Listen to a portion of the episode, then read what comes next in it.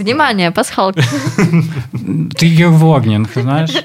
Триггер-ворнинг, насилие, э, просто злость, ад, унижение. Да, вот это мне монтировать. Ну, сам как би так, Сам собі таку професію собі Сам собі вибрав. режисер. Да, таку професію собі вибрав, нічого тобі не буде.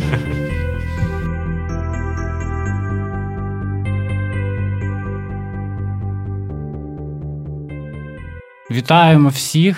Це карта Варшавяка, це Павло, це Віра. І з нами сьогодні людина, яка вміє робити подкасти, тобто людина, яка знає, що вона тут робить. І це Іван Касов. Він у нас музика, композитор, музичний Композитор. продюсер. Так, музичний продюсер. Ми не знаємо, де ставити наголоси, але не виніть нас, будь ласка. Іване, вітаємо тебе. А, всім привіт. Всім привіт. Всім привіт! Добре, Е. саундчек зроб- зробили. Ми молодці. Віра, кажи, я вже бачу, ти щось хочеш сказати. Э, Не знаю, я сейчас просто вдруг вспомнила наш первый э, выпуск, когда мы разговаривали о транспорте варшавском, и как мы его хвалили, и я смотрю на Ивана и понимаю, что, возможно, для тебя это было не так классно, как, как для нас. Я, я как о твоем росте просто говорю сейчас. Иван очень высокий, вы не так, видите. так, якщо ви не почули ще за тембром голосу, Іван дуже високий. Чем Е, ниже голос, тем выше человек. Так, так работает это? Не Или знаю. какие-то есть корреляции с телом связаны, Иван? М, Тебе е, видніє. Так, є, є. Е, А вже ж є, але тут є така штука, що, е, що коли ми кажемо високий, а я думаю, високий це як ем, ну, високі звуки. Тому так. Ну, кореляція є, але вона не там, де ви її шукаєте. Тобто е, висока людина, вона, ну. Скоріше все, буде мати трохи нижчий голос, але для мене, я коли я чую високі, тому, то, то я е, ну, пригадую високі, високі звуки.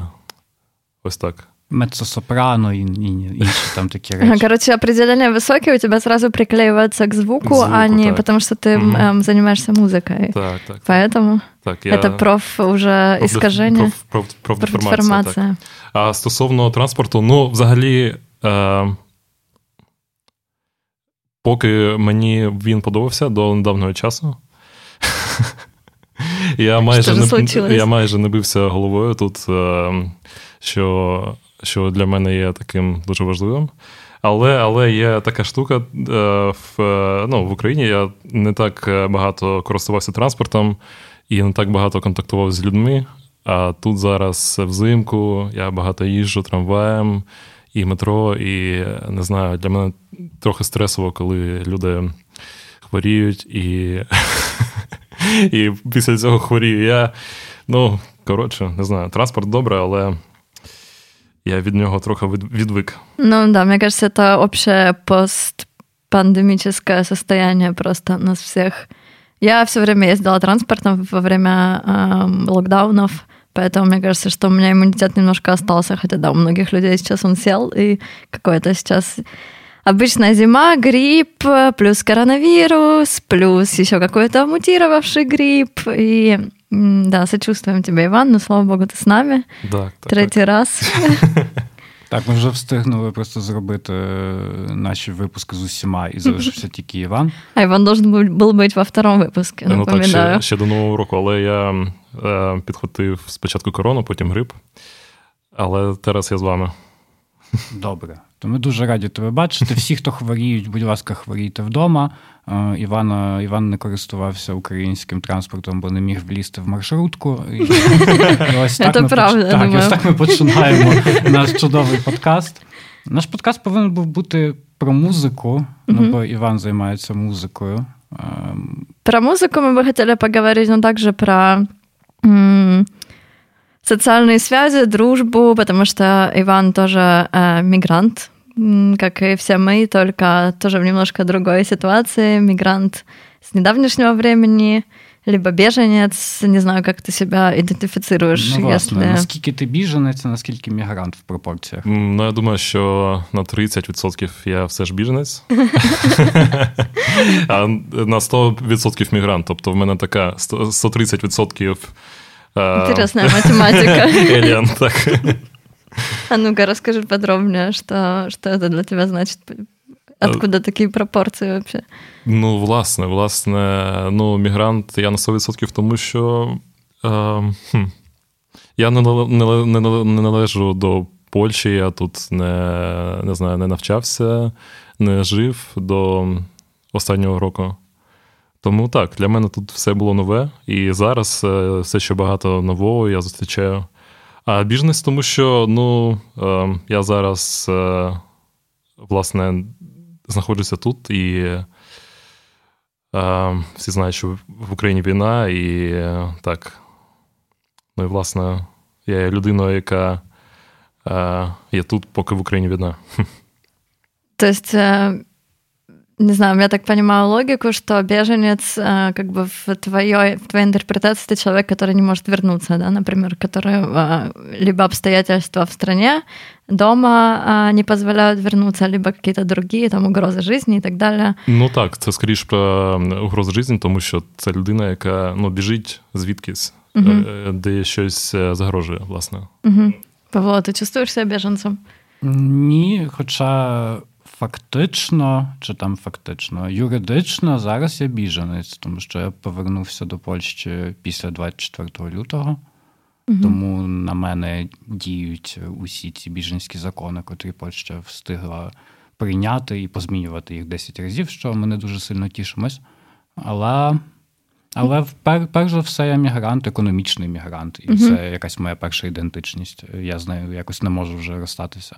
Да, мне кажется, что это вообще какая-то такая немножко мешается в голове уже понятия, потому что есть какие-то правовые понятия и названия, кто такой беженец, кто такой мигрант, кто такой переселенец и так далее, а есть такие, не знаю, интуитивные, либо как ты себя чувствуешь. Мне кажется, да, сейчас важно, важно тоже это разделять, потому что очень много недопонимания из-за этого, потому что каждый как-то по-другому использует эти слова те, кто работает в гуманитарных организациях, стараются как-то очень четко разделять и правильно називати. Повертаємо вас до нашого попереднього О, подкасту да. з регресій. з Віктором і Олесою, тому що вони працюють в організаціях і угу. вони розділяють. Тому ви теж можете собі вибрати, чи ви розділяєте ці поняття чи ні. Да, ну просто можно понимать, что когда ты идешь в какую-то правовую структуру, то там нужно понимать тоже, как ты по документам, кем ты являешься. Ну, а в жизни мы можем говорить о себе так, как мы хотим, так, как мы чувствуем. Ваня, я хотела спросить тебя, ты улыбаешься? Почему ты улыбаешься? Хотела тебя спросить. А, ну, власне, я багато багато слухав ваших подкастів, і зараз я тут. Вау. Дисклеймер, це... может быть, я добавлю сюда. Ваня слушал не потому, что ему хотелось их слушать, а потому что он а, чистил, резал, монтировал, добавлял джингл, который сам, кстати, э, написал. А, поэтому э, тебе пришлось їх слушати. З однієї сторони, так, але ну не знаю, мені він не дуже подобається. Я я таким вашим фанатом. Є, Павло, у нас перший фанат. Ми дуже раді, що в нас є фанати. Хоч хоч десь, хоч якісь, хоч хтось хоче нас слухати. Загалом можемо йти по наших питаннях, бо я знову підготував питання. Да, Мені... Павло супер вопросы готовит, его журналистское прошлое дает о себе знать и проявляется в этом подкасте. Давай, Павло. Так, і перше ми... Мочи. Так, я буду мочити, і у нас буде сьогодні питання, а потім пояснення питання. Будемо вирішати, що взагалі це значить. Тому що, Івана, Іване, ти у нас луганець за походженням, з Луганська ти є, е, з Луганська ти, як я розумію, залишаєшся. Ще й втекти декілька разів, е, декілька один раз. І Луганськ знаєш ліпше всього, тому що там ти народився, так? Ну так, так. Я звідти поїхав і ніколи не вертався туди. Добре. І Як ти ще ще пам'ятаєш, який був Луганськ, тому що перед тим, як стати знову Луганськом, Луганськ був Ворошиловградом. Ті, хто читали Жадана, про це знають.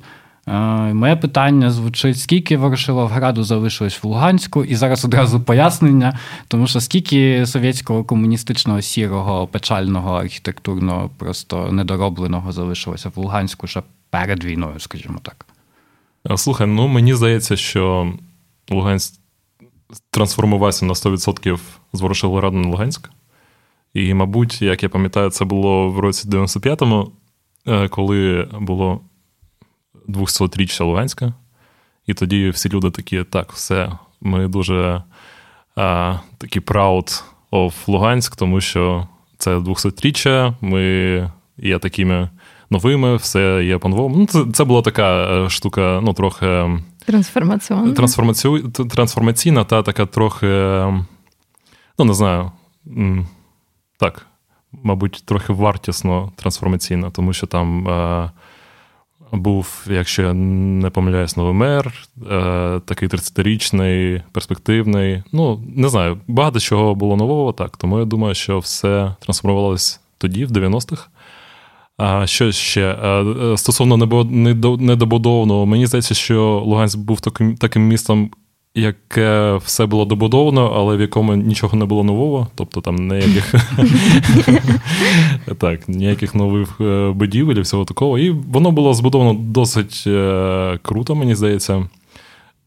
Е, з такими великими проспектами, ну, не проспектами, а вулицями, кварталами. Ну так, мені здається, що воно було досить непогано сплановано, навіть класно сплановано. А по поводу Ворошиловграда, э, у нас как бы Ворошиловград в Луганске остался в лице памятника Ворошилова, э, возле которого я, кстати, недалеко жила, и это было место тусы просто всех э, не знаю, тогда были хипстеры в 2000-х, или как, как назывались. В общем, были нефоры разные... назывались. Нефоры, да, неформалы, нефоры. точно, да, потому что были разные там... А, а, как, это, как это вообще... Куда делись субкультуры? Где є субкультури зараз якісь? Ні, вже вже, вже, вже все. Я... А мені здається, є. Ну тобто, зараз я бачу там багато людей, е, багато молоді з кольоровим ем, кольором волосся. Мені здається, що це теж якась субкультура. Я не знаю. Так звані альтернативки. Альтернативки, да. Так, всі сміються в польському інтернеті з альтернативок. Ну, не всі, а праворадикальні найчастіше молодики. Ну, дивіться, мені здається, що це є таким проявом субкультури, тому що з будь-якої субкультури багато людей потішались та сміялись. Там пам'ятаєте емо, пам'ятаєте рокерів. Якщо е, з якоюсь... Тоні був із нас в какой-то субкультурі, пусть перший бросить камінь. Я, Павло, ти я був кидаю кем? в вас каміння, каміння з моєї Полтави коханої, тому що в нас там субкультури не любили, а в нас було багато металістів, пам'ятаю. Ну, металісти, да. Всяких любителів Цоя і інших там цікавих. Русский Роцк. Да, у нас, мне кажется, все лифты были в Цой жив и Тупак А на, на Ворошилове тусили, называлась на Ворошилове, у нас было еще где? На Ленина, потому что был памятник, естественно, очень много памятников Ленина, и думаю, что они все остались до сих пор.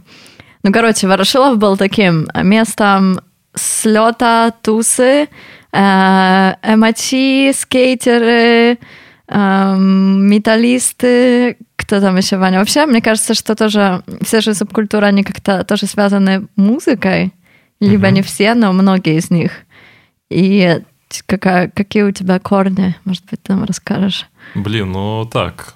Я теж був в всіх субкультурах, але я був таким рідкісним рідкісним говняром. Ну, тобто, я був поціновувачем гранжа, і це так було не, не досить популярно. Я був таким гранжистом, нирванистом. А расскажи, как, как выглядят, что делают гранжисты, а то я думаю, що мало хто. Нірвану слухали. Нірвану, так, так. І футболка Нірвани? Или... Ну, в мене була, але вона була, коли мене, мені було там 13 років. И, в 27 все, да? Можна ли бути гранжистом після 27? Гранжист відкритий з 13 до 27. Так, 8 днів на тиждень. Ой, Боже. Це цікаво. Це цікаво. Це цікаво, цікаво. Вас втусили на Ворошилові, а в мене в Полтаві тусили в трьох місцях, був пам'ятник Орла. Так він насправді. Вау, у вас він... какой-то этот ветеринар, ветеринарний факультет. В смысле, свиня, орел, да? Так, ні, але пам'ятник орла не тому, що там там був Орел, але Орел символізував, е, що там перемогу Рашки над Швецією в північній війні. Ага, окей. І всі забули, як називається той пам'ятник. Він в центрі міста в ансамблі круглої площі і корпусного парку. Е, Е, цей Боже, єдиний, якщо я не помиляюсь, крім Одеси, ще пам'ятник руского класіцизму в Україні. Що що дуже дуже сильно нам якби впливало на менталочку полтавців. Його ще не снесли? Ні. Там дуже складно знести, тому що це величезний обеліск з тим орлом, mm-hmm. який стоїть на леві, бо лев символізує, бо це було з цього, господи, з гербу Швеції, Шведського королівства. А Орел. Орел це, ну ви ви розумієте, що це за Орел. Ну і бі, mm-hmm. біля пам'ятника Орла всі, звісно ж, повинні були збиратися, або ще, Боже, якийсь там Чікенхат біля пам'ятника Котляревському, все біля пам'ятників. Mm-hmm. І там збиралися просто якісь люди побагаче. А скейтери збиралися на такому, звісно, бетонному просто плацу біля. Що тут було? Біля театру Гоголя. О, Отак mm-hmm. от. Так що у нас було декілька таких місць. У нас взагалі дуже багато якихось було дивних пам'ятників Петру Первому, ля стоянка Петра Первого і його армії перед Полтавською битвою, десь біля кондитерського нашого заводу. І це був пам'ятник зі щитом, тому що всі блін, просто вже забули, що що то був за Петро і, і чого він там стоїть. Ну, Так що, що Полтава собі намагалася відрефлексувати своє досить таке специфічне імперське, скажімо так, минуле, тим, що, по-перше, дуже довго не могла декомунізуватися. Одна з останніх міст е, на на Дніпрянщині, яке пройшло декомунізацію, це по-перше. А з тою імперськістю. Ну, щось там намагаємось зробити. Орлу встромили два прапори: один український, один бандерівський, червоно, червоно-чорний. Тому Вау, wow, ф'южн просто. Та це просто сюрреалізм. І, звісно, як бо в Варшаві, хто з Варшави ставить лайк, е, ви знаєте, що тут є палац культури і науки. І за які там б'ються і кричать, що або його треба повністю знести і насадити, там зробити нам хайт-парк або ще щось з ним зробити. А другі кажуть, що це насправді пам'ятка архітектури, і, будь ласка, не чіпайте, бо ще зробите знову щось криве і негарне. То так само ми з пам'ятником Орла, тому що він досить великий, масивний, це великий штир насправді в землі. І половина каже, що давайте ми його знесемо і зробимо нам новий пам'ятник української Полтави. Другі кажуть, що не чіпайте це культурне наслідя. І так ось ми і б'ємося вже 30 років, а Полтаві 1100 років. А, отак от. Ну да, так Луганськ, конечно, молодой. Молодой. Вечно пьяный. Да, может быть, это, знаете, у него сейчас подростковый возраст, поэтому такие турбуленции, оно нічого скоро он... Протест, так. Угу. Думаю, сподіватися, що протести закінчаться, з говнаря він повернеться в нормальну людину. Стане айтишником. Стане айтишником. Ой, до колледжа. Та в, в Академию шах. Закончить юридический факультет. Або економічний. Блин, извини, Ваня, потому что ты закончил юридический, и экономический.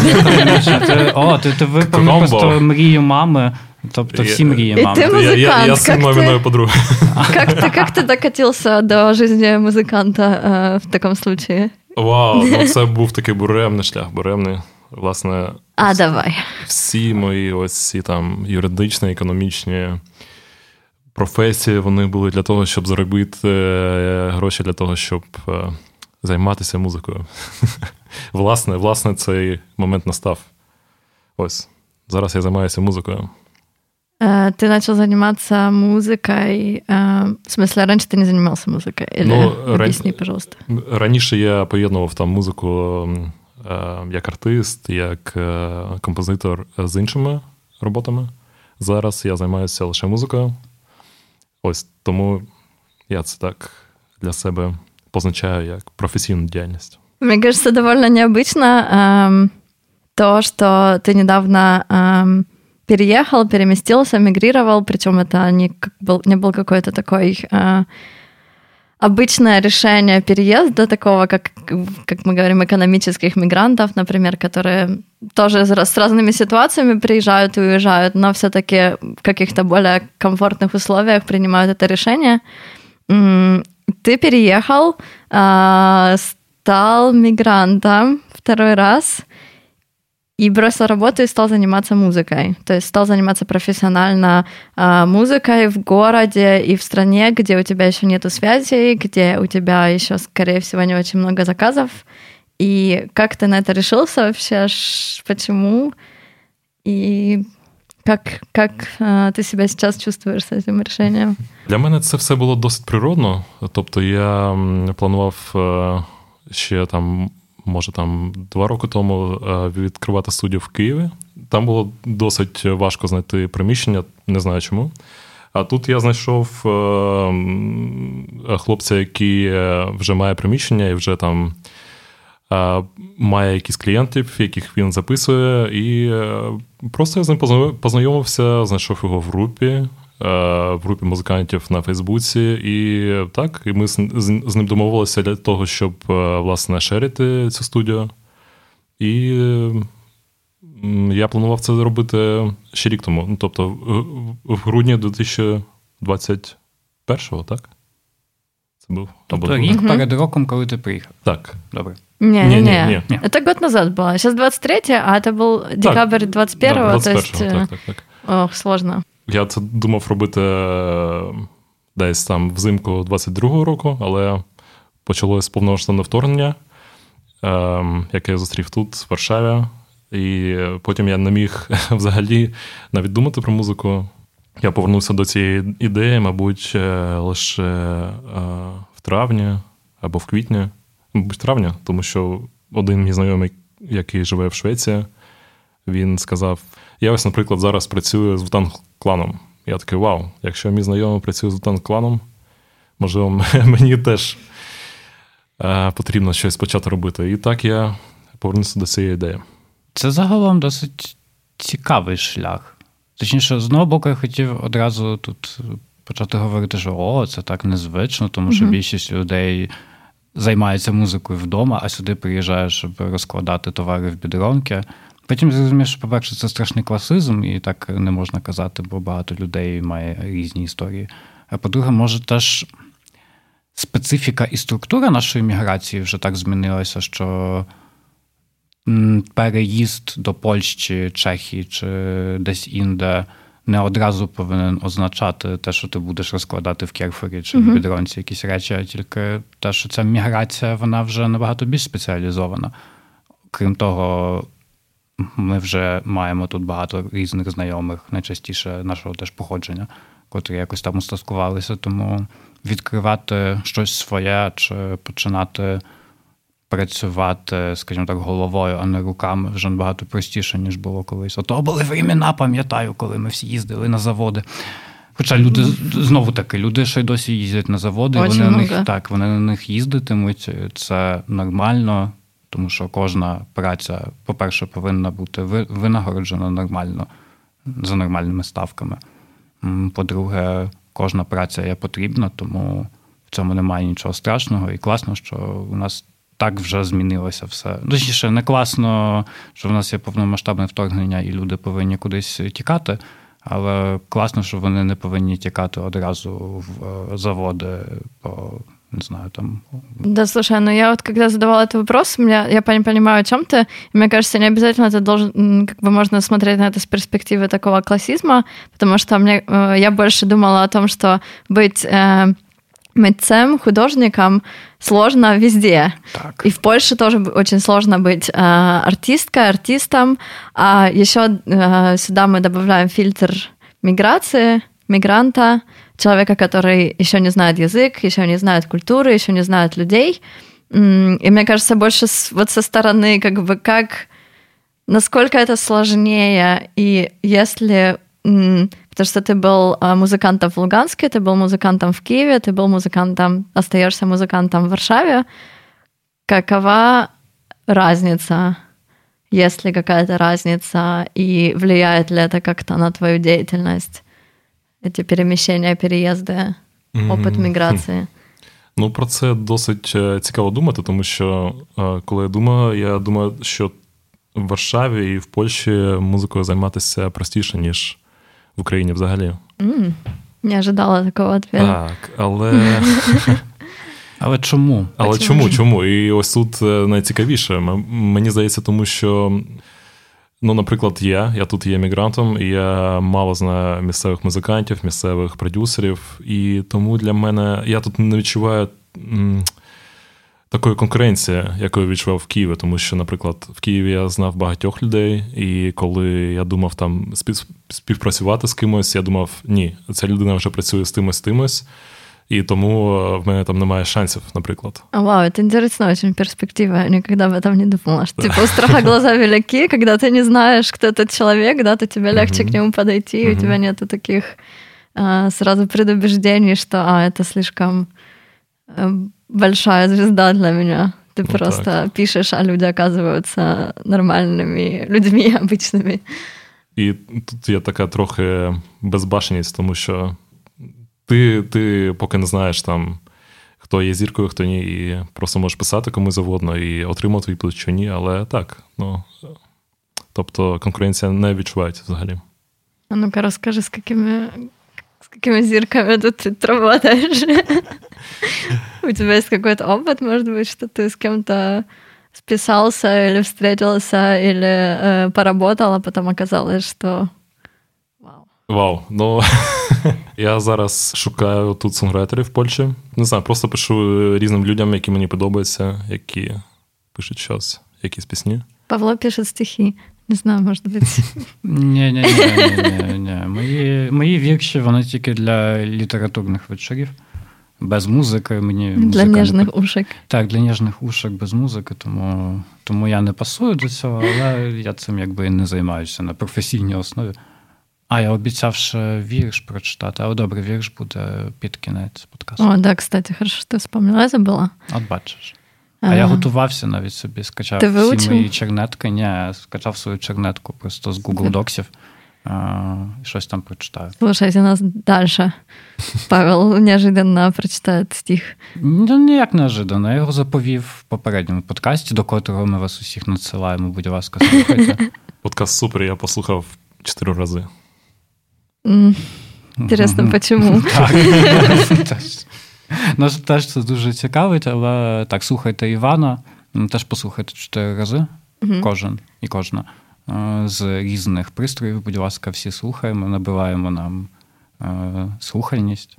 Боже, якась це добра, дуже цікава українська мова в моєму сьогодні виконанні. Тому йдемо до наступного питання. Наступне питання в мене пов'язане водночас з музикою та архітектурою. Тому що mm-hmm. я вірю в те, що в архітектура є власна музика, е, не тільки кольори. Найчастіше це кольор сірий. Для форми. І фо... Ну, форми, то да. Форми. Боже, постмодернізм дуже цікавий, особливо польський. Але то то інша історія, тут треба запрошувати когось від Да, можна посмотреть сейчас э, на строительство музея современного искусства, который строится возле Дворца культури. Так, якщо ви бачили велику білу коробку, то це, то це він, то це музей музей мистецтва. Там ще була якась інба невелика. Про те, що якби в 19 столітті збудували музей сучасного мистецтва, і це була така, звісно ж, класицистична будівля, кривенька, mm-hmm. І там всі зумери просто почали кричати, що да, оце бумери знову дивляться. Це набудували нам тут всякого такого, давайте якісь цікаві форми. Добре, то вже, то вже таке. Яка луганська архітектура на слух була? Це це що? Це це Левлещенко? Це Кобзон, поет? Валерий Леонтьев, который а, родился в Луганске. Так, Валерий Леонтьев, это, может, это Валерий Леонтьев. Который жил в моем доме. У меня было, я жила в большом доме, 20 подъездов, и в одном из них еще жила мама Валерия Леонтьева. Но я, кстати, узнала недавно. Точнее, нет, мне кажется, что я знала, когда я жила в Луганске, потом мой мозг это из, вынес из моей памяти. А недавно, да, мне кажется, может быть, ты мне, Ваня, напомнил о том, что Валерий Леонтьев, это же был у нас а, знаете, как эти, как Битлз, Ливерпуль, так мы типа Луганск, Леонтьев. Я вас перепрошую, Вірка Сердючка Полтава. Тому... Вау, вау, вау. Ох, ну конечно, перебіл, перебіл. Так, ну і власне, повертаючись до Валерія Леонтьєва, як звучить луганська архітектура? Це, це що? Це... Ну, слухай, мені здається, тому що Луганськ був таким містом досить проєктованим, відбудовувалось по плану. Він має такий трохи, трохи, наче вайб, можливо, 70-х, 80-х. Ну так, широкі ось ці вулиці, там е, дев'ятиповерхівки, частіше за все, такого або світлого кольору, або трохи темного. І він він спонукає е, робити тебе таку музику трохи ідеалістичну, та романтично. Ось я так вважаю. Я не знаю почему. Я сейчас только мне пришло в голову, что если бы я э, как-то связывала жанры музыки, например, с городами, то Луганск для меня бы был постпанком. Наверное, потому что, знаете, такие звуки, э, какие они, такие монотон, какая-то такая uh-huh. монотонность в музыке, какая-то такая простота и э, какая-то такая грустная нотка. Но, например, я не знаю, с чем сравнить Варшаву. Варшава это какое-то меломанское э, для меня что-то. Э, точно не диско-поло. У меня это не ассоциируется. Возможно, Киев это техно. Ну, зараз так. Зараз, зараз так. так. И мне кажется, это уже после всех этих как бы протестных э, вещей, когда техно расцветает, как тоже какой-то такой стиль, который расцветает в местах, где людям ограничиваются свободы. Точно так же, например, в Луганской, в Донецкой области, мне кажется, после 2014 было очень много каких-то таких рейвов э, подпольных. Э, даже Вайс когда-то снял такой документальный фильм а, конечно, эти рейвы не выглядят так, что это клуб какой-то классный, приезжают э, не знаю, заграничные диджеи, это просто какая-то хата у кого-то в частном секторе, и просто молодежь туда идет, но как-то так у меня сейчас вообще украинские, украинский вайп ассоциируется. А в Польше, в Варшаве, не знаю, что-то более класичне, може бути. Мені здається, залежить від того, куди ти підеш, тому що Варшава настільки настільки різнобарвна. Взагалі, це дуже це, це такий туруїзм, який я кажу, тут що Варшава різнобарвна, різнобарвна, тому що кожне місто різнобарвне. Ну, да. Але одну музику ти почуєш, коли йдеш біля того палацу культури, тому що вона така висока сталінська нота лівітан. А, Інша, коли ти йдеш біля нових просто всіх наших skyscrapers великої фінансової столиці, якою Польща стала. І там ти вже відчуваєш музику для типічного середнього класу, який вилазить з того корпорації. Ну, щоб, знаєш, не В Луганске не было постпанк. Точнее, был постпанк, наверное, но это не такое, что ты типа идешь и слышишь. У меня больше какое-то, знаешь, не, ну, такое разумею, ощущение это. или воспоминание, которое я, может быть, как-то могу связать, хотя в этом нету никакой логики, которую uh-huh. я могу объяснить. Какая-то такая интуитивная штука. Понятно, что каждый город для каждого человека тоже будет по-другому ассоциироваться с разными вещами, с какими-то неочевидными э, соединениями нейронными в голове. Ваня, у тебя как Варшава, может быть, ты как человек, который здесь эм, не так давно, как мы. Мне кажется, знаете, тоже за- замечать вот эту вот разношерстность, это уже как бы привилегия тех, кто живет давно, жил в разных районах, видел много, узнал многих, а есть все-таки какой-то такой вайб, может быть, для того, кто приехал, только он совсем другой. От так, у тебе є плейліст, е, плейліст Варшави. І що в той плейліст Варшави вийде в такому разі? О, отлично. Слухай, ну круте питання. Мені здається, що все ж таки Варшава, вона така трохи класична, або ну така. Це це музика академічна. Е, і mm-hmm. через е, через польських композиторів, ось цих всіх. Але крім того, Варшава... Ти говориш о Шопені? Шопені та я зараз роблю помилку. Так, так. Як? Падеревський? Падеревський. Падеревський. Падеревський. Окей, Падеревський. Через це, через це, але ще є така цікава штука. Ем, мені здається, що Варшава має таку ознаку європейського, європейської столиці, тому що тут є така панкова та дієва культура, яку ти помічаєш, там, коли їдеш, наприклад, в Берлін, і потім західніше, західніше, там, не знаю, Іспанія, Португалія, там завжди є якась така ну супер-супер антисошал тусовка, якісь там е, дістро, де ти можеш там придбати, не знаю, касети. Або або якісь там зіни, щось таке. І тут в Варшаві, власне, був е, на концерті в Ваді Пулавській. Я там побачив до хіра людей. Я не бачив стільки людей, мабуть, ніколи на такому дівей концерті. Так, Ада Пулавська це анархістичний контркультурний простір. Да, це сквот також. Так, mm-hmm. фактично це сквот, і якщо ви туди приходите, ви не можете фотографувати, тому що АКАБ, е, ви ж самі знаєте. Ну і власне, я думаю, що можемо подумати про архітектуру в такому е, ключі, як для того, щоб була така тусовка, потрібен сквот, так? А для того, щоб був сквот, потрібна якась, якась така будівля, досить стара. Та яку можна зайняти. Mm-hmm. Тобто воно якось трохи пов'язано. так? Для того, щоб була така контркультура, тобі потрібні якісь умови для того, щоб щось робити в таких будівлях. Тобто, ось така от прив'язка до архітектури. Мне кажется, это и привязка. Вообще, это мы снова возвращаемся к тому, что все взаимосвязано, как бы политика, политика государства, а, условия жизни, а, и все, как бы все является каким-то все связано какой-то одной нитью, и все проистекает из чего-то. И да, я согласна с тем, что нужны условия для появления какого-то определенного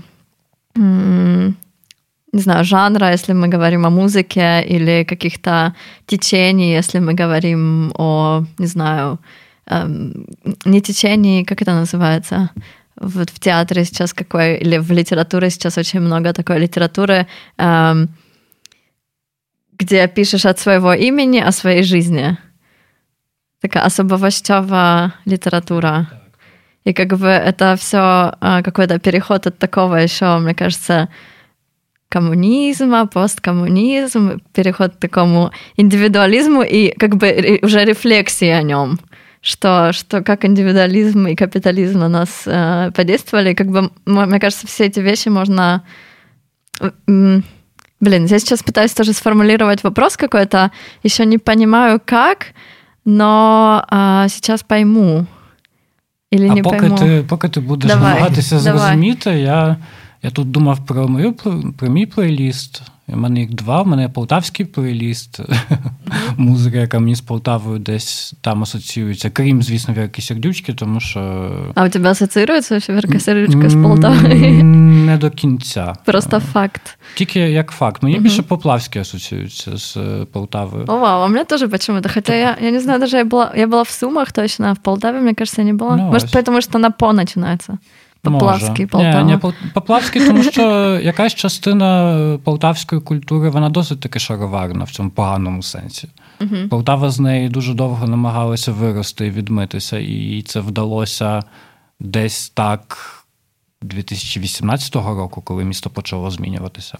З такого типового пострадянського, досить таки. По-польськи це слово защанкове, ну, тобто досить таки провінційного міста, в котрому мало що відбувається, навіть незважаючи на те, що це студентське місто. Оце дуже дуже радянський концепт студентського міста, де 10 тисяч університетів, а люди потім не можуть знайти роботу, тому що університетів забагато і випускників теж. Але я б взяв цього Поплавського як таке пам'ятку про те, що було, і щоб таке більше не сталося з нами. Нікуди не дінеться шансон з маршруток, тому що яка б Полтава не була цей елемент поціновувачів тюряжної культури, він теж нікуди не дінеться. Мне кажется, что Возможно, я ошибаюсь, что вошел в действие какой-то закон, так. который запрещает перевозчикам а, включать. А... Так, шансон у себе в маршрутках. Це правда. Я не знаю, там, скорее всего, не шансон прописано вообще ну, какой-то загалом, там. але більшості свої це шансон, тому ну, що... да, я думаю, что из-за этого это... Но вопрос, кто, кто будет это контролировать, как это будет экс... Эк, эк... Екзеква... Екзекв... Екзеквуватися. Да. Екзеквуватися. Екзеквуватися. Це, це вже калька з польської. А, мені здається, що ніхто цього не буде екзеквувати, тому що, тому що це маршрутки. І маршрутчиків треба погонити палками. А в Полтаві маршрутки теж час, частники? Так, Или тільки частники. Okay. Є декілька автобусних комунальних маршрутів, вони їздять на якісь там кінці міста в рамках програми Місто без околиць. Тільки від цього місто стало ще з більшими околицями. Бо автобус... Дуже странне названня. Ну, тобто, це таке так, місто, місто замок, в якого є тільки стіни, немає околиць. Неважливо. Є, є місто без околиць, і там немає музики, на щастя. А є тролейбуси, в яких є тільки цей неймовірний посткомуністичний вайб, що, що, що там занавіски, якісь ще, ще дивні дивні плюшові іграшки і інші такі хворі на голову речі. Mm-hmm. Але це з музикою. Хоча це це може бути японський построк, якщо ти дивишся wow. на на тролейбуси в Полтаві. З такої ж музики. Хоча мені здається, що Полтава після того 2018 року це вся українська, україномовна файна сцена музична, якийсь один в каное і інші такі моменти. Один в каное супер. Так, це це Полтава. Полтава, будь ласка, не Полтава, будь ласка, змінюйся на ліпше і не змінюйся на на гірше. Отак ось. Отаке от у мене побажання до мого рідного міста. А Варшава. Варшава в плейлісті в мене лунає як е, група червоні гітари комуністична, е, тому що моя бабця дуже любила червоні гітари. А, І коли ти йдеш тут вулицею Маршалковською е, при цій такій напівсталінській архітектурі, тобто сталінська архітектура у виданні Польської Народної Республіки, то це вони. Це особливо вони в німецькій версії, тому що червоні гітари експортували себе до НРД до Німецької Демократичної Республіки. І в них є пісня Унес Ригнет чи Чонгле пада, тобто постійно падає, постійно дощить. І це така типова, як для мене, Варшава восени. З такої ж музики, ну що техно теж трохи, не знаю, якийсь ембієнт. Так що Варшава, Варшава вона така. А тепер, коли я договорив, Вера, якщо ти не забула, что ты хотела сказать. Да, я уже це. сформулировала, забыла. Сейчас заново. Мы немножко, говоря о сквоте, о том, как бы как ты увидел тоже варшавскую музыку, я думала о том, что музыка реально очень сильно тоже связана, как и другое искусство, но в музыке это прям четко тоже видно, что у меня всегда была тоже какая-то такая функция социальная. Когда-то это была передача новостей, там бродячие музыканты ходили из города в город и рассказывали, какие новости приносили. Это была функция такая коммуникационная между какими-то деревнями. Это была функция протестная. А, это была функция развлекательная. Короче, очень много связано вообще со временем, с каком-то социально-политической жизнью. И я бы хотела спросить, может быть, про твою музыку сейчас или твою музыку в какой-то ретроспективе. А, ты реагируешь, как бы ты передаешь новости музыкой или вообще как-то не, не связываешь этих понятий как бы функциональности музыки э, твоей, которую ты пишешь? Mm, ну... Не знаю, понятно ли я вообще сформулировала это. Так, да. так, так, це зрозуміло, звісно. Ну, слухай, е, в мене був період, коли я е, грав е, в в панк бенді, і в нас була, ну, не знаю, на ось ось ці 130% така протестна музика. Це була в Луганській це... Так, так, це було в Луганську.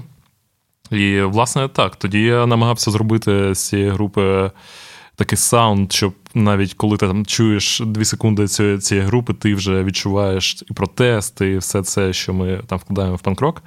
Але в усіх інших проєктах, які я робив, і е, все інше, що я писав, вони, воно не, ніколи не рефлексувало на якісь соціальні події.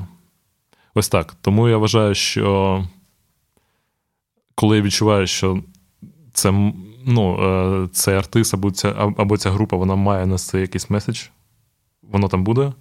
Але е, для себе я так ніколи не робив поки. А що ти робив?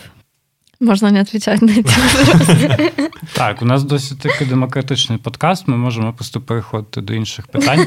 Якщо ми не вміємо, не знаємо, забули, ну, що сказати. Может быть, ты хочешь ответить.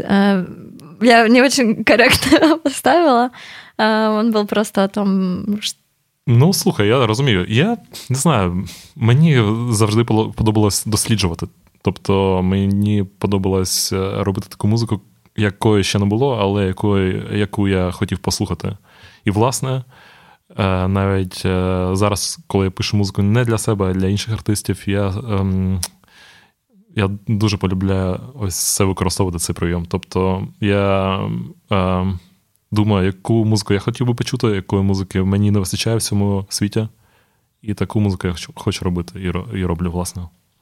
І як це совпадає з пожеланнями людей, яким ти пишеш музику?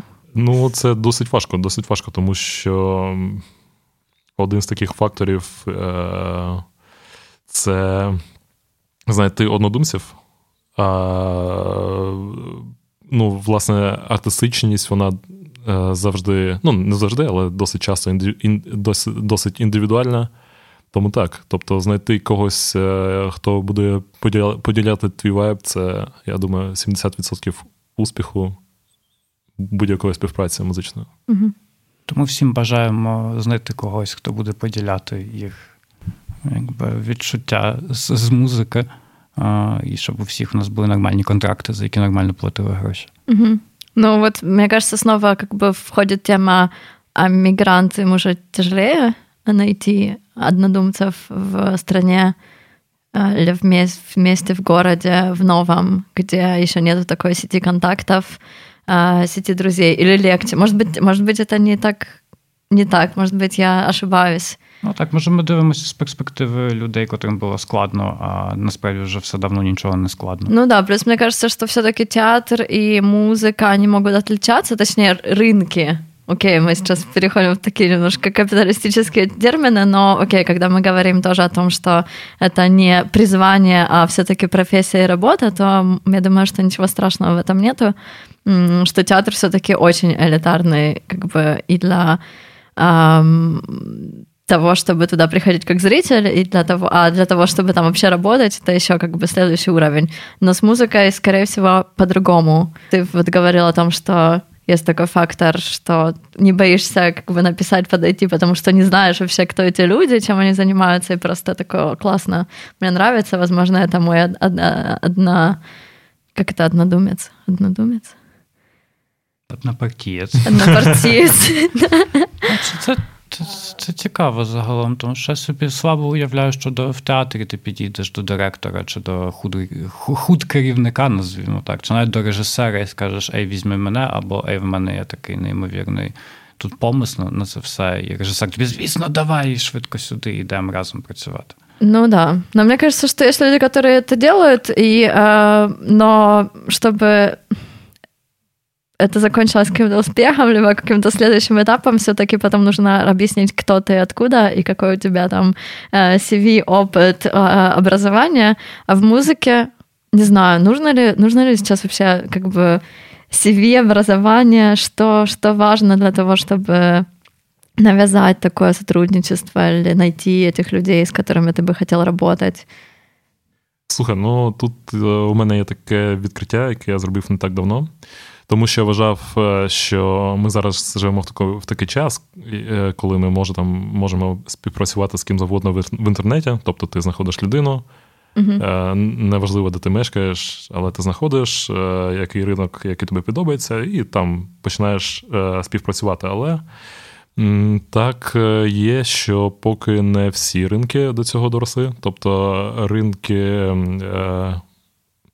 ну, якщо ми так кажемо, кей-поп, він так працює весь. Тобто ти можеш е, мешкати, не знаю, де завгодно, та писати музику для Кореї. Ну, Тому що це якийсь, якийсь не знаю, за, запредельний рівень взагалі музичної індустрії там. А для інших міст, е, зокрема, там, так, ну, в таких ринках, як там е, США. Там все ж працює таке правило, що де ти мешкаєш, скоріш за все, ти будеш таку музику робити. Тобто, якщо там ти хочеш мати кар'єру кантрі-музиканта і до Нешвіля. Якщо хочеш, е, ну так, так і є. Якщо хочеш е, там реп-кар'єру, їдь до Олей або до Атланти. І в Польщі це не так, тому що. В Польщі в Білимстоку робиш дискополо. Ну, коротше, я так розумію, що є места, если, короче, либо ты ищешь условия, где uh-huh. можешь это делать, либо можно создавать эти условия, либо они существуют, как бы уже правила такие, что можно создавать где угодно, и как в Польше, так что нужно Ізвині, ти не договорив. Е, я не знаю взагалі. ну, тобто, мені здається, що в Польщі теж працює це правило, коли музиканти об'єднуються е, на основі якихось студій або, не знаю, лейблів, тусовок. Ну, Тобто, це такий доместик ринок, а не глобальний, як там е, корейський, або як, я не знаю, би там якийсь там ще е, філіппінський, де там теж є там свій свій поп. Угу. Нужно, то есть, на кухне собраться, да, чтобы Щоб стати знаменитостю. Принаймні, в сцені, на сцені такого попу найбільш тривіального. Я думаю, ти можеш собі бути хоч латвійцем, хоч поляком, вмій співати англійською якось і більш-менш десь на європейській сцені виб'єшся.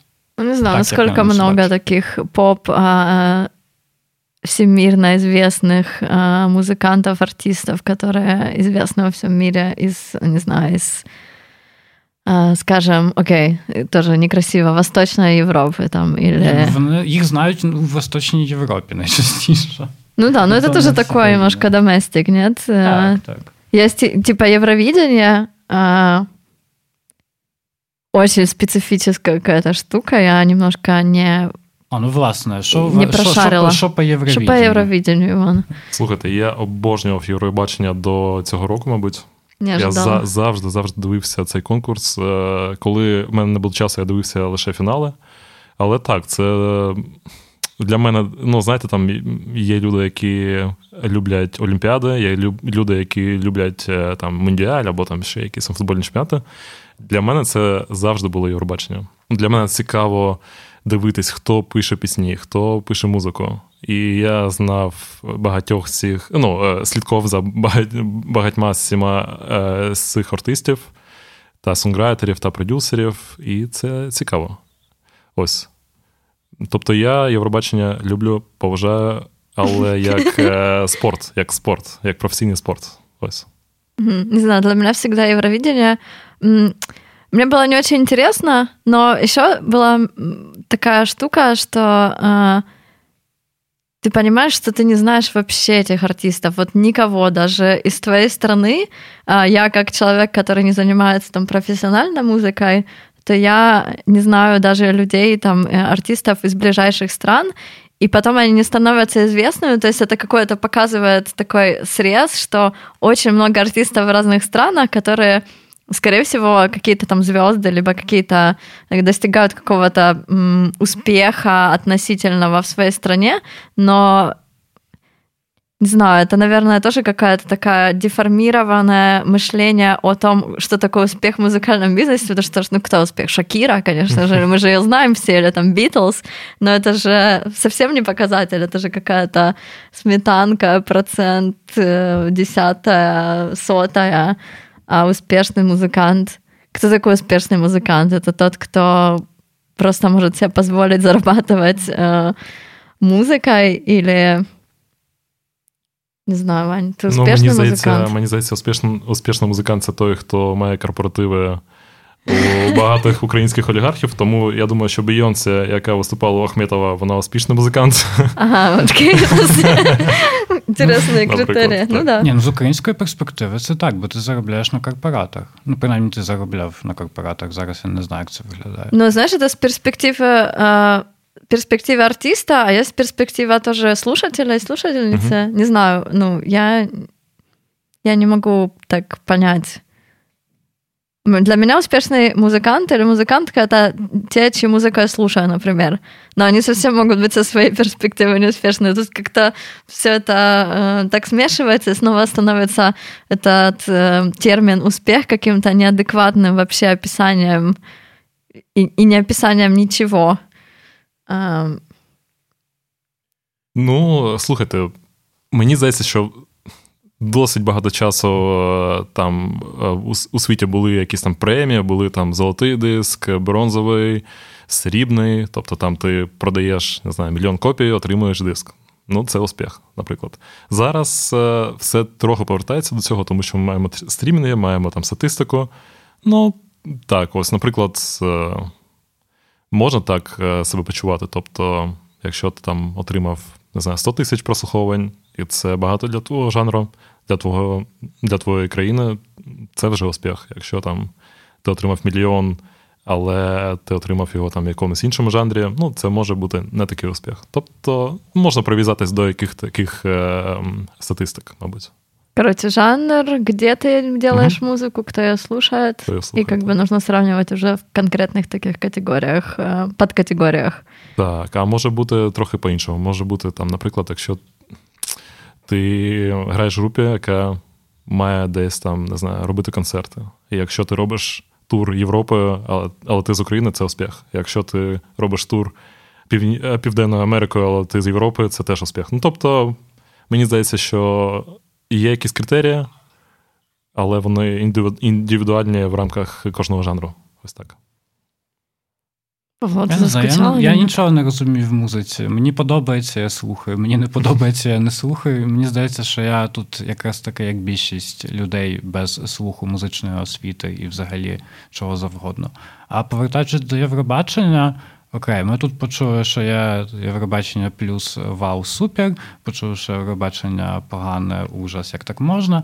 А в мене в мене десь посередині. Я на Євробачення дивлюсь трохи трохи з такої техні... Воно для мене дуже технічне, в тому сенсі, що от ти дивишся на на якогось там на якусь групу, і одразу розумієш, що о, да, оця, оця от пісня, вона не під Євробачення і на Євробачення.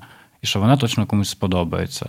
А оцю слухаєш і розумієш, що це якась печальна балада, і взагалі невідомо, як як воно так вийшло, що воно туди попало, і одразу розумієш, що таке не виграє. Е, і на цьому на цьому якби для мене Євробачення десь і закінчується. Я слабо його розумію, не дуже сильно за ним дивлюся, але коли наші наші щось виграють, це завжди добре. Навіть якщо мені не подобається, що наші зробили, як на цьому Євробаченні, наприклад. Мені не сподобався Калуш. Я страшна людина, СБУ, будь ласка, не приїжджайте за мною. А як вам Калуш? Мені подобався, мабуть, їх перший або перший другий кліп. Подобався цей образ Килимена. Дуже круто, вау. Але Ну, не знаю, потім я перестав за ним, за ними слідкувати, та мені здається, ось зі всіма цими скандалами, які були не так давно там стосовно цієї пісні, де там було про українську дівчину, яка там не дала. Ну, коротше, ви, мабуть, це чули. Ну, Тобто, це вже якийсь досить низький рівень. Це... Я вижу, що Павло не чув. Я не чув, але може добре, що я не чув. Так, Окей, так, так. Мені здається. Не будемо ну, описувати. Тобто, не знаю. Е, так, це не моя музика. Ну, слушайте, мне кажется, что, окей, можно Калуш, как бы, есть музыка, Калуш как просто музыкальная группа, которая функционирует как бы за пределами Евровидения. Евровидение как конкурс уже давно позиционируешься как такой политический, дипломатический, и как бы то, что они там сделали, это как бы просто жест, это тоже как бы совсем, совсем мне кажется, тут тяжело мешать эти перспективы, типа чисто оценка э, качества музыки и того, нравится, не нравится, с тем, что ну просто такие, ну как бы времена, времена и жесты, это бы был, был важный, важный момент в э, истории Евровидения и в, как бы в истории украинск... української історії, не знаю. Чудово. То Поэтому... залишимо тоді Євробачення на якийсь інший подкаст е, про Євробачення. Ну, Сподіваюся, що не ми будемо його робити. Наверное, много уже было так. таких про Евровидение всяких а, историй, кто выигрывает, как выигрывают, угу. почему так, как выглядит конкурс, как выглядит отбор, как написать музыку для Евровидения. А, не знаю, как э, отдаются голоса, да, распределяются ну, между странами, что это все-таки тоже поддержка каких-то там соседей, либо стран, которые сейчас э, проходят, ну, в случае з Україною, які во время війни їх просто люди підтримують. Або після війни, як це було там, коли перемогла сербська співачка. Тобто угу. це завжди якийсь е, політичний жест. Да, такое напряжение, вот, угу. да, которое выливается тоже в этих конкурсах, в отличие от спортивных, например, состязаний. Хотя они тоже как бы Но репрезентируют, Катар, где, где Катар они... нам показав, що він ну, дуже да. політичний. Да, да, конечно. Просто по-другому работает этот э, механизм другой. Um, как там у тебя по вопросикам? О, у мене ще все дуже добре. По да, що? В мене є моє улюблене питання, яке тобі не сподобалося, але я і так його поставлю. Чи Варшава це місто урод? Чи воно. Місто чи... урода. Або місто уродів. Мені здається, що це така соціалістична столиця здорової людини. Тобто, коли я це побачив, мені це нагадувало ну, багато міст України, Луганщина, не знаю, Київ. Але в такій альтернативній альтернативній реальності, е, коли ми не побачили таку забудову е, хаотично, не побачили е, багато такого візуального сміття, не побачили, не знаю, ларьків, які там, а побачили ну, відновлену архітектуру, збережену, е, таке досить е, обережне ставлення до всієї архітектури. І так, ну це для мене, мабуть, перше декілька місяців, коли я був у Варшаві, декілька разів перших. Це була така альтернативна реальність. Я хотела добавить, что моя мама сейчас э, каждый раз, когда мы идем на прогулку, она всегда говорит, ну, все-таки нельзя здесь застеклять, да, балконы просто так. Я говорю, ну да, мам, ну нельзя, нужно там специальное, скорее всего, разрешение, скорее всего, тебе не позволят. Ну да, мне кажется, для э, Луганска, Киева, не знаю, людей из да. Крыма, когда просто... У нас же есть тоже такая культура, и какие-то книги, и фотографии про балконы такие О, отдельные. балконы, так звані. Да, да, да, что это прям какая-то форма э, уже искусство, потому что это просто вырвалось из-под контроля в какой-то момент. А в Варшаве этого нет. Ты, ну, возможно, и найдешь где-нибудь какие-то такие, конечно, найдешь. Это тоже уже потом чуть-чуть углубляешься в после первых впечатлений и находишь такие вещи, ну да, они нетипичные, и тоже мне кажется, что в Варшаве так немножко бережно Наверное, потому что тоже в войну она была разрушена во Вторую так, мировую. И відбудована. И відбудована, да, с самого с нуля просто, поэтому, скорее всего, тоже отношение, отношение другое. Мне интересно. Я надеюсь, что скоро как бы в Украине начнется процесс э, строительства заново тех городов, которые ужасно разрушены, и що там буде якийсь генплан, якщо вони будуть їх відбудовувати. Скорее всего, будет, скорее так. всего, тоже мы как-то совсем другой, совсем другим, не знаю, настроением подойдем. Не знаю, может быть, тоже какой-то бережностью подойдем к тому, как должны выглядеть города, для кого они строятся, почему они так выглядят. И Да, интересно, интересно вообще, что как-то так музыка и архитектура у меня тоже в голове очень сильно переплетаются между собой. Не понимаю, почему так происходит. Ну, мені здається, що те, те є таким ландшафтом. Тобто можна уявити, якщо ви пам'ятаєте обкладинку там альбому Joy Division, ось цю. Так, як так. всі знають, так? І можна там з якогось угла подивитись на місто, побачити, там, що є там великі будівлі, є маленькі будівлі, є парки, і можна там якось це співвіднести. Тобто і там, і там якийсь ландшафт. Там ландшафт музичний або там якийсь звуковий, а тут ландшафт такий а, будівельний. І так, воно якось сприяє творчості теж. І те, як, як ти почуваєш себе в цьому ландшафті. Для мене Варшава була уродом такі два дні. Перші мої два дні, коли ти приїхав. Варшава Заходня. Ні, ну Варшава Заходня то то інша історія. Насправді. Ні, коли я перший раз так прогулявся собі біля Палацу культури, і насправді я набагато пізніше зрозумів, що Палац культури класний. І проблема не в самому палаці, а в тому, що навкруги палацу проблема, а не в самій тій будівлі. І подивимося, як е, музей сучасного мистецтва це змінить чи ні. А мені здається, що ні. Варшава, вона вона так, вона бережна. В ній немає клаптикового утеплення, немає цих наших чудових цих балконів. Дуже мало кондиціонерів. Це мою маму, наприклад, дуже здивувало. Да, у мене теж були такі розговори. Так, що як це як це тут, а тут що, як воно працює? Я кажу, ну люди сидять, терплять, нічого, нічого нікому. Так. Що те, що мене дуже здивувало, що в центрі міста, в самому центрі міста стоять панельки. Е, не тому, що не тому, що я здивався, що вони там є, тому що ясно, це соціалістична спадщина, ніколи вона не дінеться. Але в такому Києві ну їх би вже зносили і будували там якісь е, неймовірні багатоповерхові дорогі апартаменти для когось. Ульє. Так. А тут ці ці старі вулики панельні залишились, так вони, звісно, в різному стані. Деякі з них ну, погано виглядають, тому що взагалі соціалістична архітектура Польщі вона дуже залежить від економічного стану Польщі в тих часах. Тобто деякі будівлі зроблені з файних матеріалів і файно зістарилися. а деякі вже були, скажімо так, в більш кризові роки будовані, і тому і виглядають так трохи не дуже приємно. А дуже часто виглядають не так, як були на планах е, архітекторів, котрі їх будували. Що ще? Варшава в центрі і на периферіях дуже різна, тому що багато віл, багато забудови ще з 20-х років ХХ століття. Ви, ви знайдете не в центрі міста, як найчастіше в Польщі це є, а десь на периферіях, тому що там німці не бомбили, або не встигли збомбувати, або не хотіли, або ще щось. Тому, якщо хочете подивитися на стару забудову.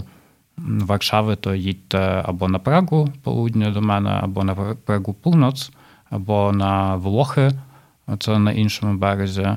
А, І там все побачите. Тому що Варшава, вона все таки різна. І там теж цього всього не намагаються одразу знести і набудувати вам ще якісь ЖК житлових кварталів. Хоча й такі є. Це це та з проблем і те, що робить Варшаву уродом якісь дивні житлові квартали з дорогою, з дорогим метром квадратним. Ну, слушай, они находят тоже своїх ем, так, звісно. Фан, фанаток. Фанатів, фанатів. фанаток. No. Я пам'ятаю, я дуже хотів жити власне в такому житловому кварталі, коли жив у гуртожитку. Що от я туди переїду, а зараз я живу в панельці, і мені все подобається, тому що Ну, okay. слушай, мне кажется, вот поколение наших родителей, оно бы было очень радо жить в таких новых э, постройках, где просто все такое новенькое блестит.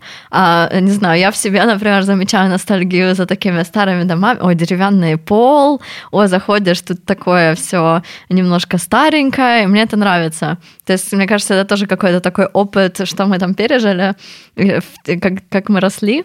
А, и да, я согласна, Варшава очень эклектичная, и мне кажется, что вообще, если делить Варшаву как-то архитектурно, то можно на несколько городов ее разделить, очень маленьких. То есть каждый район, не знаю, недавно была на Белянах, это недалеко, это не периферия, это как бы не знаю, для меня даже центр города, то есть Варшава сейчас тоже так немножко разрослась, что вся вот эта вот линия метро э, неотдаленная, это еще город, прям город, много людей там живет, и там просто какие-то виллы и какой-то такой вайб, как, не знаю, в английском маленьком городке. Серьезно, я просто не ожидала, что я попаду в такое место. Макотов — это тоже другие совсем постройки, там нету в основном панель... То есть есть там панельки, конечно, но очень много Верхний небольших. и нижний Макотов — це вже два різні світи. Верхний, нижний Макотов, э, Прага, естественно, совсем другая. Поехать в Виланов — это тоже какое-то просто эм, не знаю, Рэй Брэдбери какой-то немножечко с этим еще их костелом, который выглядит как э, в, как это называется, выческарка до цитрины. Эм, соковыжималка. Соковыжималка. И вообще какие-то такие интересные площади, интересное планирование. Эм, да, короче, первое впечатление, оно, мне кажется, ошибочно у многих о Варшаве. Какая Варшава? Сложно, сложно сказать, просто прогулявшись возле Дворца культури или по старому городу. Так. Ну і взагалі старе місто це у кожного викликає різні емоції. Для моєї мами, наприклад, котра європейських міст бачила не дуже багато, їй здавалося, що а вона мене запитала, це воно старе, так? Кажу, «Ну, так, старе, в 50-х роках його відбудували. Для вона цього не відчула. Для неї все-таки це от старе, площа ринок. Ну, потому что тоже постарались, как так. бы, это же тоже какой-то такой замисел ну, Так, ну, відбудувати просто серце столиці, хоча воно вже тоді було не серцем, неважливо. Угу. Хоча, коли ти подивишся в цих е, в лапках е, старих будівлях у вікна, ти побачиш там найчастіше вистрій з 50-х років, просто тому що в 50-х це було відбудоване. Це перше. Повертаючись, ти була на на Біланах, це на північ, північна частина гілки метро. А я був то одне з перших місць на Кабатах, це південна частина. Я там жила в самому началі, ну. після того, як приїхала в Варшаву. Ось, і Кабати, коли я туди в перший раз приїхав, я навіть наробив багато фоток, мамі показати, що ось вона Європа, і мама така, Велодорожки. Да, і мама така, вот, оце вона Європа. Це такий я... новий район, який относительно, наверное, останні 20-30 років почав так, строїтися. Там було спочатку збудовано метро туди, і там були ще поля, нічого там не було. І потім вони збудували там з нуля, скажімо так, цілий житловий квартал. І перше враження в мене було, що от вона Європа, от вона отака повинна виглядати. Зараз, коли ти там їдеш по тій велодоріжці кривій, і вже в тебе просто я собі ногу майже зламав там останній раз, ти розумієш, що ну тут дуже багато чого вже треба зробити. Але відчуття того, що можна запланувати, і воно навіть заплановане буде більш-менш таке по-людськи виглядати, воно тут є. І я сподіваюся, що в Польщі спочатку будуть робити генплани, а потім будувати. Угу. Добре. Ми побували на Біланах, ми побували на Кабатах і на Празі, і ще багато де. Варшава не закінчується, Варшава буде розбудовуватися. Не обов'язково так, як нам би цього хотілося, але ми на це впливу не маємо. Це карта Варшавяка, це Іван, Віра та Павло. Дякуємо вам. Слухайте нас, ми ще повернемося. Павло, а можемо почути poezja. A, tak, poezja. Poetyczny, wers, poetyczny werszyk od Pawła. Prawdziwe demony są w nas samych. Rozszarpują, wyrywają serce, wiercają się w wątrobę. Wałęsają się po kręgach piekielnych, szczając na reguły, na matki i na grobę. Utajone, wszystko co miezerne, złe, obrzydliwe, co masz do powiedzenia o politykach, o jakości powietrza w przestrzeni między oknami – wszystko, co chwyta. Miły mój, lipa, będzie z tego jedna wielka lipa. Gniją palce, łożyska paznokcie, tryska ropa ze szczelin, rozjatrzonego na skórka. Proszę cię, proszę, miejmy to z głowy. Wychodzi ze mnie, wykluwa się syn albo córka. Moje dziecko, zrodzone z bólu, pragnienia, nieleczonych zębów, skoliozy, newrozy i lęków. Z mojej karty pacjenta rodze demona, chrzczego bez księdza i bez ambony, łańcuszków, ciotek i wujków bez kościoła. Chrzczę i, i wychowuję bez ojca.